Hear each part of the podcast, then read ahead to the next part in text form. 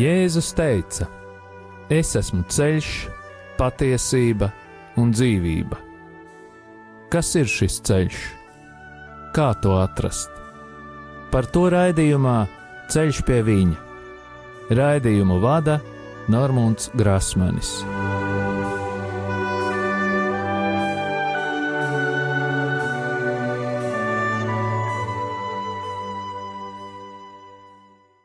Lai ir slavēts Jēzus Kristus. Atkal ir piekdiena, un rādio Marija ēterā izskan raidījums Ceļš pie viņa. Vēlos atgādināt, ka raidījuma e-pasta adrese ir ceļš pie viņa at gmail.com. Turpinu pateikties visiem klausītājiem, kuri atceras mani un pārējos radio Marija darbiniekus, brīvprātīgos un arī ziedotājus savās lūkšanās. Vēlos pateikties katram klausītājam, kurš ar savām lūkšanām un finansiālo ziedojumu atbalsta Radio Mariju skanējumu ēterā, lai Dievs jūs bagātīgi svētī un arī katru atbalstītāju un visus mūsu kopumā. Un tagad, kā jau ierasti, lūgsim aizsardzības lūgšanu pār Radio Mariju darbiniekiem un brīvprātīgajiem, par katru klausītāju un mūsu ģimenes locekļiem. Jēzus Kristus vārdā mēs pārņemam autoritāti pār savu ģimeni un sasaistām visus ļaunos spēkus un varas gaisā, telpā, zemē, ūdenī, pazemē, dabā un ugunī. Dievs, tu esi kungs pāri visam visumam, un mēs atdodam tev slavu un godu par tavu radību. Tavā vārdā, Kungs, Jēzu Kristu, mēs sasaistām visus demoniskos spēkus, kas ir nākuši pār mums un mūsu ģimenēm, un ieslēdzam mūs visus tavu dārgo asiņu aizsardzībā, kas mūsu dēļ tika izlietas pie krusta. Marija, mūsu māte, mēs lūdzam tavu aizsardzību un aizbildniecību pār mums un mūsu ģimenēm ar svēto Jēzus sirdi. Ietin mūsu savas mīlestības apmetnī un sakauj mūsu ienaidnieku. Svētais arcēnģeli Mihēlu un visi mūsu sargaņģeļi. Nāciet aizsargāt mūsu un mūsu ģimenes šajā cīņā pret visu ļauno, kas ir šajā pasaulē. Jēzus Kristus vārdā un caur viņa dārgajām asinīm mēs sasaistām visas ļaunuma varas un pavēlam tām atkāpties šajā brīdī no mums, mūsu mājām un mūsu zemes. Mēs pateicamies Tev, Kungs, Jēzu, jo Tu esi taisnīgs un līdzjūtīgs Dievs. Āmen! Jēzus Kristus vārdā un Viņa krusta un Viņa izlieto asiņu spēkā mēs sasaistām jebkura ļaunuma varas spēku garus un pavēlam tiem, lai tie nebloķē mūsu lūgšanas. Mēs salaužam jebkurus lāstus, burvestības, kas ir vērsti pret mums, padarot tos tukšus un bezspēcīgus. Mēs salaužam jebkuru uzdevumu, kas ir dots jebkādiem gariem, kas vērsti pret mums, un sūtām viņus pie Jēzus, lai viņš dara ar tiem, ko vien vēlas.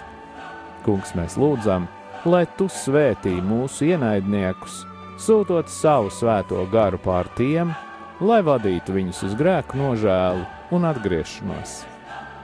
Mēs pārcērtam jebkādas saites un saziņu ļauno garu pasaulē, kas ietekmē mūsu un mūsu lūgšanu.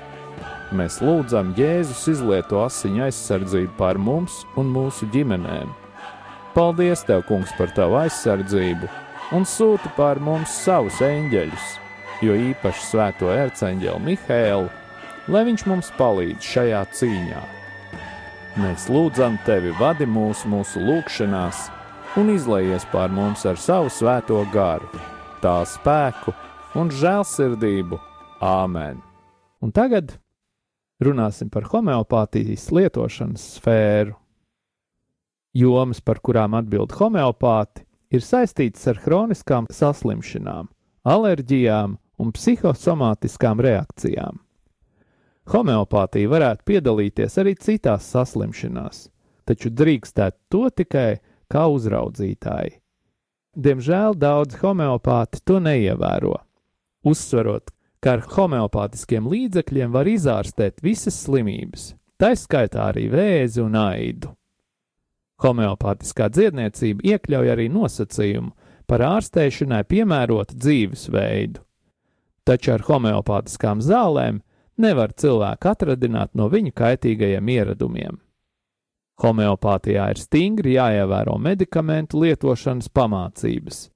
Zālēm, kas tiek ieņemtas ar speciālu karoti, kuru sauc goma karota, lai tās nesaskartos ar metālu. Mutē zālēm ir jāpaliek tik ilgi, līdz tās uzsūta siekalas. Vienlaicīgi citu spēcīgu medikamentu vai vielu, piemēram, zobu ārstēšana, kafiju un ēteriskās eļļas lietošana, pavājina homeopātisko zāļu iedarbību. Ir jāievēro arī tas, ka visi homeopātiskie pilieni gandrīz vienmēr satura alkoholu, un tā procentu daudzums uz iepakojuma nav norādīts. Pilienu vietā var lietot arī globuli, kas ir zāles lodīšu veidā. Vienā globulī ir pieci pilieni, kas savukārt ir viena tablete vai pulveris viena naža gala daudzumā. Homeopātiskās dziedniecības ierobežotību var novērot pie īpaši smagām saslimšanām, pie akūtām dzīvību apdraudošām saslimšanām, pie audzējiem, pie slimībām, kad jāizstāj dzīvībai svarīga viela, piemēram, insulīns diabēta gadījumā. Pie slimībām, pret kurām jau ir droši medikamenti, piemēram, lepra, pneimonija, tuberkuloze, malārija, arī venēriskās slimības. Mums ir jābrīdina cilvēki par to, ka lietojot homeopātiskās zāles, tās nav bez blakus parādībām. Vispirms tas attiecas uz zemākā līmeņa potencēm līdz D12. Tām tiek pievienoti daži indīgi smagie metāli, kas modernajā farmakoloģijā lietošanai ir aizliegti. Piemēram, dzīvesudrabs, svins, kadmijs, Dažos preparātos tiek izmantots arī arsēns. Ilgstošas lietošanas gadījumos šīs vielas, arī indīgo augu primārās substances vai D1, var izraisīt organismu saindēšanos. Modernā medicīna ierobežo vai pat aizliedz to augu izmantošanu, kas sekmē vēža slimības rašanos vai ietekmē šūnu darbību. Līdz šim vēl neviens nav atklājis, kas ir vēzis izraisošās vielas pamats. Arī homeopātijā tas nav zināms. Bez tam daudzu augu ietekmē var sākties noteiktas formas alerģijas, kas rodas šķīdinot substanci līdz potencei D8. Daži augi, kas izmantot homeopātiskajā pārstrādē, piemēram, asins zāli, ķermeni padara īpaši jūtīgu uz gaismu. Akūtu cietušus orgānus nedrīkst ārstēt ar auga, kas var izraisīt vēl lielākas problēmas augstajām potencēm, piemēram, akūta hepatīta gadījumā. Ir sastopami homeopāti, kuri homeopātiskās ārstniecības ierobežojumus neatzīst, un homeopātiskos līdzekļus izmanto kā injicējumās vielas. Dažos gadījumos tas var kļūt par nopietnu infekcijas cēloni, no kā būtu bijis iespējams izvairīties. Tā piemēram, ceļotāji inficējas ar malāriju. Diemžēl ir zināmi nāves gadījumi homeopātiskās ārstēšanas rezultātā, kad pacients solīs uzticēties savam ārstam, homeopātam, tādējādi ignorējot tradicionālās medicīnas norādes. Vērojot dažādus alternatīvos ārstēšanas veidus un to sekas, jāpiemina, ka dažu zinātnisko pētījumu rezultāti liecina, ka homeopātisko preparātu lietošana ir devusi labākus rezultātus nekā lietojot paralēli izrakstītus viltus preparātus. Šis fakts nekādā gadījumā nevājina tradicionālās medicīnas pieņemtos uzskatus, ka lietojot homeopātiskos līdzekļus, iznākums tiek sasniegts vairāk ar placebo efektu. Ir jāpiekrīt, ka pats substanču šķīdinātājs satur ķīmiskas vielas, kas iespējams nosaka homeopātisko līdzekļu izraisīto reakciju. Turpretīm placebo preparāti ir ķīmiski neitrāli. Jānorāda arī tas, ka būtu vēlams izvairīties no pašrocīgas ārstēšanās ar indīgiem augiem un vielām. Aizstāvot Hānemanu, jāuzsver tas fakts, ka viņš ir dzimis gandrīz 40 gadus pirms Franču revolūcijas, tādējādi dzīvojot laikā, kad notika intensīvs intelektuālais apvērsums. Viņš spēcīgi ietekmējās arī no jaunatklātajām Āzijas un īpaši Ķīnas filozofu darbiem. Šeit varam pieminēt, piemēram, Konfūciju. Šķiet, ka tieši tādēļ viņam radās idejas par enerģiju, kas piemītīt visām lietām. Arī doma par simīlijas, simīlibus, kurentur vai līdzīgs izdziedina līdzīgo, kas 19. gadsimtā parādījās pošu sagatavošanas procesā, nav jauna jo to varam atrast jau Hipokrāta laikos, 450 gadus pirms Kristus. Neskatoties uz iepriekš minēto, būtiski ņemt vērā homeopātijas radītāja Hānemana filozofiskos uzskatus. Viņš bija iesaistīts kādā Zviedri borgiāniskajā sektā, kas bija 17. gadsimtā Zviedrijā radusies spiritiskā sekta. Tāpat Hānemans uzskatīja, ka viņu ir iedvesmojis pats Dievs personīgi. No otras puses, Jēzu viņš uzskatīja par romantiķu un privileģētu personu, un nākamajā dzīvē cerēja sastapt Konfūciju. Bez tam ļoti agrā jaunībā viņš bija brīvmūrnieku vai masonu organizācijā, kas, kā mēs zinām, nodarbojas ar okultismu. Katrā ziņā viņa idejas tieši par visu lietu iekšējo enerģiju pielietojumu universālo enerģiju, ir ļoti tuvs mūsdienu New Age priekšstatiem. Universālā enerģija, kas tiek aktivizēta balstoties uz daudzām dziedināšanas metodēm, ir tā pati, ko Hānemans caur atšķaidīšanu mēģināja atbrīvot no substances. Šīs enerģijas mērķis - stiprināt pacienta imūnsistēmu, lai ķermenis varētu ārstēt pats sevi. Hānemans ar šo atbrīvoto enerģiju gribēja sasniegt un izmainīt, kā pats sacīja, spiritum vitae dzīvības principus. Tiesa nav skaidrs, vai viņš ar to bija domājis dvēseli vai cilvēcisko garu. Izskatās, ka dabā esošo enerģiju viņš pielīdzinājis cilvēciskajam garam, un tādējādi izmantojot homeopātiskos līdzekļus, gribējis to ietekmēt. Šis domāšanas veids atbilst viduslaika alķīmijai.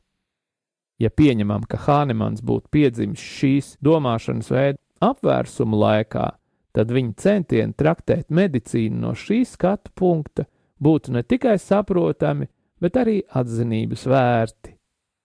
Kā kristiešiem mums būtu jāapzinās, ka cilvēka garīgo dabu var pārveidot tikai Dievs, vadoties no mūsu ticības viņam, viņa dēlam, Jēzum Kristum, kā arī mūsu vidutājam un aizstāvim, tas ir svētajam garam.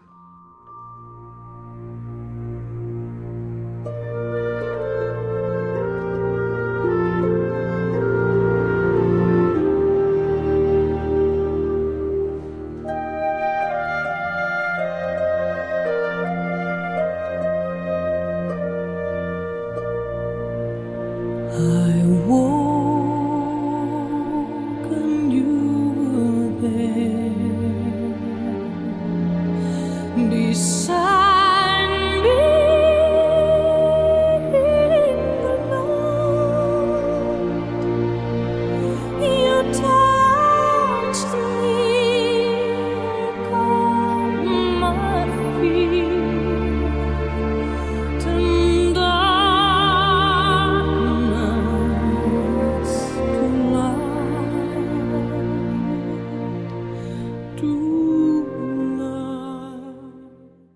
Džbelo savā grāmatā jau daudz antikristi cēlušies raksta kādu liecību. Pirms dažiem gadiem Brazīlijā bija notikusi iekšējās dziedināšanas rekolekcijas. Dienas kārtībā bija iekļauts lekcijas katoļu harizmātisko kustību vadītājiem. Viņi stāsta par kādu notikumu, kas notika kādas lekcijas laikā. Viņi tika uzaicināti runāt par homeopātiju, negribot, ka šī nepateicīgā tēma tiek aizskarta, jo, ja par to diskutēja, tad tas parasti noved līdz strīdīgām sarunām, un tad tiek pazaudēts daudz laika, ko varētu izmantot liederīgāk, piemēram, lai apgūtu dievu vārdu mācību. Nostājoties auditorijas priekšā, viņi nelabprāt iesāka vienu no īsākajiem skaidrojumiem par homeopātiju. Tāpat kā runājot par citiem alternatīvās medicīnas veidiem, viņa runu beidza uzsverot domu, ka no homeopātiskajiem līdzekļiem nevajadzētu kļūt pilnīgi atkarīgam, jo tas var novest līdz nepareizas diagnozes un neatbilstošas ārstēšanas noteikšanai. Pēdējais teikums bija: ja jūsu bērnam ir plaušu karsonis, nekavējoties vediet viņu pie normāla ārsta, kurš lietošanā izrakstīs antibiotikas, kas palīdzēs izvesaļoties. Homeopātiskās zāles šādā gadījumā iedarbojas tik lēni, ka pacients var nomirt pirms ir izārstēts. Vārdu dēļ, ko tobrīd viņi izteica, viņi sāk mocīt sirdsapziņu, un tūlīt uz skatuves uzskrēja kāda jauna sieviete.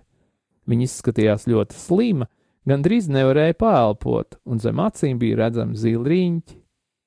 Domājams, viņa īsti neapzinājās, ka viņa bija pārtraukusi un sāka klāstīt savu stāstu. Kopš četru mēnešu vecuma viņa slimoja ar plaušu karsoni, ko ar klasiskās medicīnas metodēm vecāka ārstēt neļāva. Viņai bija jālieto homeopātiskie medikamenti. Tobrīd Ērika nodomāja, ka tas patiešām ir brīnums, ka šī meitene vēl ir dzīva, un skaļi jautāja, cik viņai gadu. Meitene atbildēja, ka 19, tāpēc Ērika sajūtās brīva viņai dot padomu. Nekavējoties šī meitene tika aizsūtīta pie dežūrējošā ārsta, kurš izrakstīja antibiotikas. Pēc semināra Erika mēģināja sarunāt tikšanos ar jaunās sievietes vecākiem, lai izskaidrotu nevēlamās homeopātiskās ārstēšanas draudus un iespējamās sekas. Uz sarunu atnāca tikai māte, kuru uzmanīgi noklausoties viņas teikto, apsolīja nelikt šķēršļus meitas tikko uzsāktajai ārstēšanai ar antibiotikām. Jauno sievieti Ērika atkal satika pēc nedēļas. Tālumā Ērika ieraudzījis, viņa centās panākt, lai pateiktos un piedāvātu savu palīdzību tulkošanā. Meitene bija izveseļojusies. Līdzīgi gadījumi piedzīvoja Indijā. Šīs situācijas morāli var attiecināt uz visām alternatīvās medicīnas dziedināšanas metodēm. Sekosim, lai neviena no šīm lietām mūsu dzīvē nevalda. Neviena alternatīvā dziedniecība nedrīkst būt kā universāls ārstēšanas līdzeklis. Ne klasiskajā, ne tā sauktajā maigajā medicīnā nav medikamentu vai metožu, kas var izvārstēt pilnīgi visu. Pirmajā vēstulē korintiešiem, 6. nodaļā, 12. pāntā Svētais Pāvils saka: Viss man ir atļauts, bet ne viss der, un nekas nedrīkst mani kalpināt. Savādi, ka visām alternatīvās dziedniecības metodēm ir viena kopīga iezīme - tās pastāv lai iemantotu sev sekotājus. Lasot literatūru par konkrētām alternatīvām dziedniecības metodēm, šajā faktorā varam saskatīt vienotas paralēles. Turklāt pastāv arī alternatīvās dziedināšanas veidu garīgā izcelsme. Bez tam būtiski vienmēr apskatīt šo metožu vidutāju. Vēl kāds piemērs.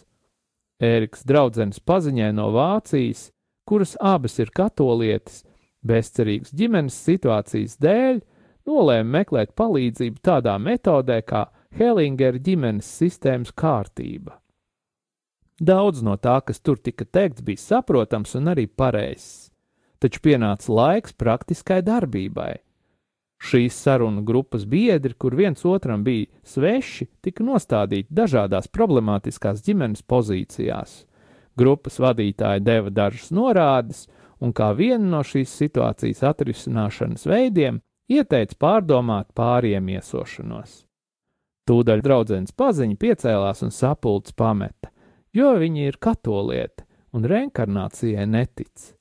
Šis stāsts atklāja vienu no paņēmieniem, kā pasaulē ielavās New Age filozofija. Salīdzinājumam varētu teikt, ka tā ir kā nepatīkama smaka, kas ieplūst pa aizslēgtu durvju spraugu.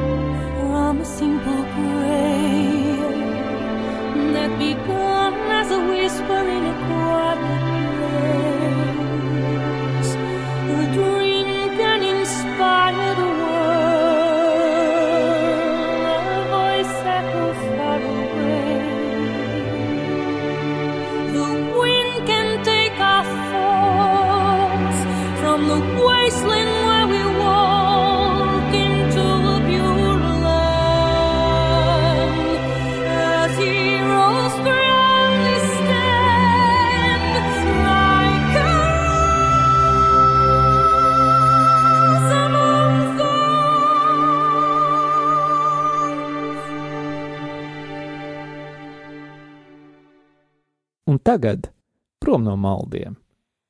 Šodien turpināsim pieskarties grēka jautājumam. Tomislavs Ivančičs savā grāmatā Tikšanās ar dzīvo dievu raksta. To, kas ir vai nav grēks, cilvēkam ļauj izšķirt viņā ieliktā spēja, kuru saucam par sirdsapziņu. Sirdsapziņa ir cilvēka dzīves centrs un tiešā saikne ar dievu. Tā atgādina cilvēkam, ka viņš ir atbildīgs kāda priekšā un ka viņš pats nav spējīgs savu rīcību izlabot. Ja cilvēkā ir grēka apziņa, tad veltīgi meklēt argumentus savā prātā, lai attaisnotos. Sirdsapziņa neliek cilvēkam justies atbildīgam citu cilvēku priekšā. Bieži mēdz būt pat tā, ka cilvēks sirdsapziņas mudināts rīkojas pretēji citu cilvēku ieteikumiem. Sirdsapziņa cilvēkam liek justies atbildīgam tā priekšā, kurš stāv pāri viņam un pāri visiem citiem. Sirdsapziņa ir cilvēka svētnīca. Ja cilvēks pārkāp pāri savai sirdsapziņai, viņš piedzīvo to tā, it kā būtu pārkāpis pāri savai paša dzīvībai. Sirdsapziņas tīrība ir svarīgāka par dzīvību. Nereti sirdsapziņas dēļ cilvēks atsakās no visa pārējā, no materiālajām vērtībām, no cieņas citu cilvēku acīs, jā, pat no dzīvības. Šādi gadījumi apliecina, ka sirdsapziņa ir pāri visam, pat dzīvībai. Sirdsapziņa saka skaidri, ka cilvēkam jādara labais un jāatsakās no ļaunā, taču konkrētās situācijās, atsevišķās detaļās iespējams neskaidrības, kas tieši ir labs un kas ļauns. Tāpēc, ka mūsu apziņas skaidrība ir saduļķota. Tādējādi ir iespējams, ka kāds dara ļaunu būdams pārliecībā, ka rīkojas pareizi. Tomēr zemapziņā vainas izjūta uzkrājas arī tad, ja cilvēks pats to neapzinās. Zemapziņa slēp visas vainas, kuras sirdsapziņa nav reģistrējusi. Tāpēc psalmists cied: šķīstī man no visām neapzinātajām kļūdām. Nākošajā raidījumā turpināsim ieskatu Tomislava Vančiča grāmatā tikšanās ar dzīvo dievu, par grēka dažādajām šķautnēm. Vēlos atgādināt, ka katra mēneša pirmajā sestdienā Gustava Zemgala gatavē 48 Rīgā, mīlestības mājā, notiek dzimtas dziedināšanas seminārs. Pieteikšanās caur interneta mājaslapu mīlestības māja.lv. Un kas notiks šajā seminārā? Mūsu uzskati par Dieva tēlu daudzos gadījumos ir kļūdaini, vai konkrētāk runājot, mēs uz Dievu skatāmies vecās derības kontekstā, kur Dievs ir svētību devējs, bet Dievs ir arī soģis. Cik svarīgi ir saprast to, ka Dievs nesoda, jo kas gan to spētu izturēt? Soģis mums ir tikai viens - mūsu nepareizās izvēles, zem kurām, protams, apakšā slēpjas ļaunais gars. Izvēloties nepareizi, mēs atveram durvis ļaunajam, un tas arī ir tas soģis. Taču katrā situācijā, kurā sajūtamies sodīti, ir mūsu paša atbildība. Un šeit savukārt ir svarīgi saprast to, ka es vai mana ģimenes sistēma sastāv no daudziem cilvēkiem, un mēs visi no ģimenes esam atbildīgi par savām izvēlēm. Seminārs sastāv no četrām daļām Mēs aplūkosim dieva sistēmu, ieskatīsimies es vai cilvēku sistēmā, un, protams, arī sātana sistēma tiks aplūkota. Taču, lai cik arī neliktos brīžiem grūti, mums katram ir iespēja uzņemties autoritāti Dieva priekšā pār visu ģimeni.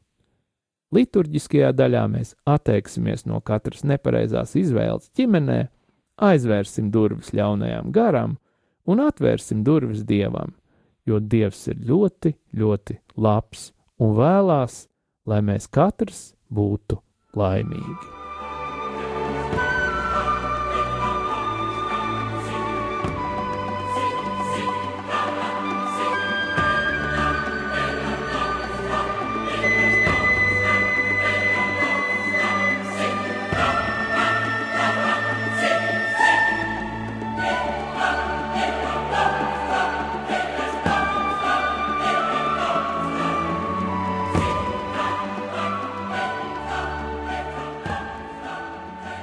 Un tagad mēs iestājamies lūgšanā pret sātanu sistēmu un tās darbībām mūsu ģimenēs.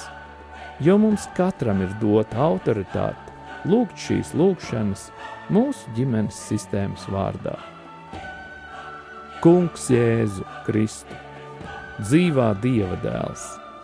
Mēs pateicamies Tev par Tavu brīnišķīgo dziedināšanas un atbrīvošanas kalpošanu. Pateicamies par Tevis veikto dziedināšanu un arī par tām, kuras Tu turpināsi mūsu lūgšanu rezultātā. Mēs saprotam, ka mūsu cilvēciskā daba nespēja panest mūsu slimības un ļaunumu. Tādēļ lūdzu, attīri un šķīstī mūs no jebkādām skumjām, negativitātes, izmisumu, kuru mēs iespējams esam uzņēmuši. Ja mums ir bijis kārdinājums padoties dusmām, neiecietībai vai iekārai, attīri mūs no šiem kārdinājumiem un aizstāj tos ar mīlestību, prieku un mieru. Ja mūs jau kādā veidā ir pārņēmis un nomācis kāds ļauns gars, Jēzus vārdā mēs tev tagad pavēlam aiziet zemes, gaisa, uguns vai ūdens gars, nāves valstības vai dabas gars, tieši pie Jēzus, un lai tiem notiek pēc viņa gribas.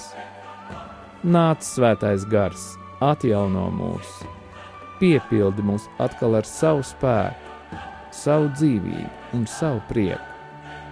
Stiprini mūs tur, kur jūtamies vāji, un apklāj mūs ar savu gaismu piepildi mūs ar dzīvību. Marija, visu svētā Jēzus māte, mūsu māte. Svētais arcāņģēl Mihēl, mēs tev pateicamies par jūsu aizbildniecību. Kungs Jēzu lūdzu sūti savus svētos eņģeļus kalpot mums un mūsu ģimenēm, apsargāt un aizstāvēt mūs no visām slimībām, ievainojumiem un nelaimes gadījumiem lai mūsu ceļojumi ir droši. Mēs tevi slavējam, tagad un vienmēr, Tēvs, Dēls un Svētais Gars. To visu mēs lūdzam Jēzus svētajā vārdā, lai tas tiek godināts Āmen. Un tagad saņemiet pāvesta Franciska svētību. Kungs Jēzus Kristus, lai ir pār mums, lai mūs svētītu, lai ir pie mums, lai mūs pavadītu un lai ir ar jums un mums, lai mūs aizsargātu, lai mūs svētī Dievs Tēvs un Dēls un Svētais Gars, lai asins un ūdens, kas izplūda no Jēzus Kristus sirds, izplūst pār mums un lai šķīstī, atbrīvo un dziedina. Saņemiet svēto garu, Dieva Tēva un Dēla un Svētā gara vārdā Āmen!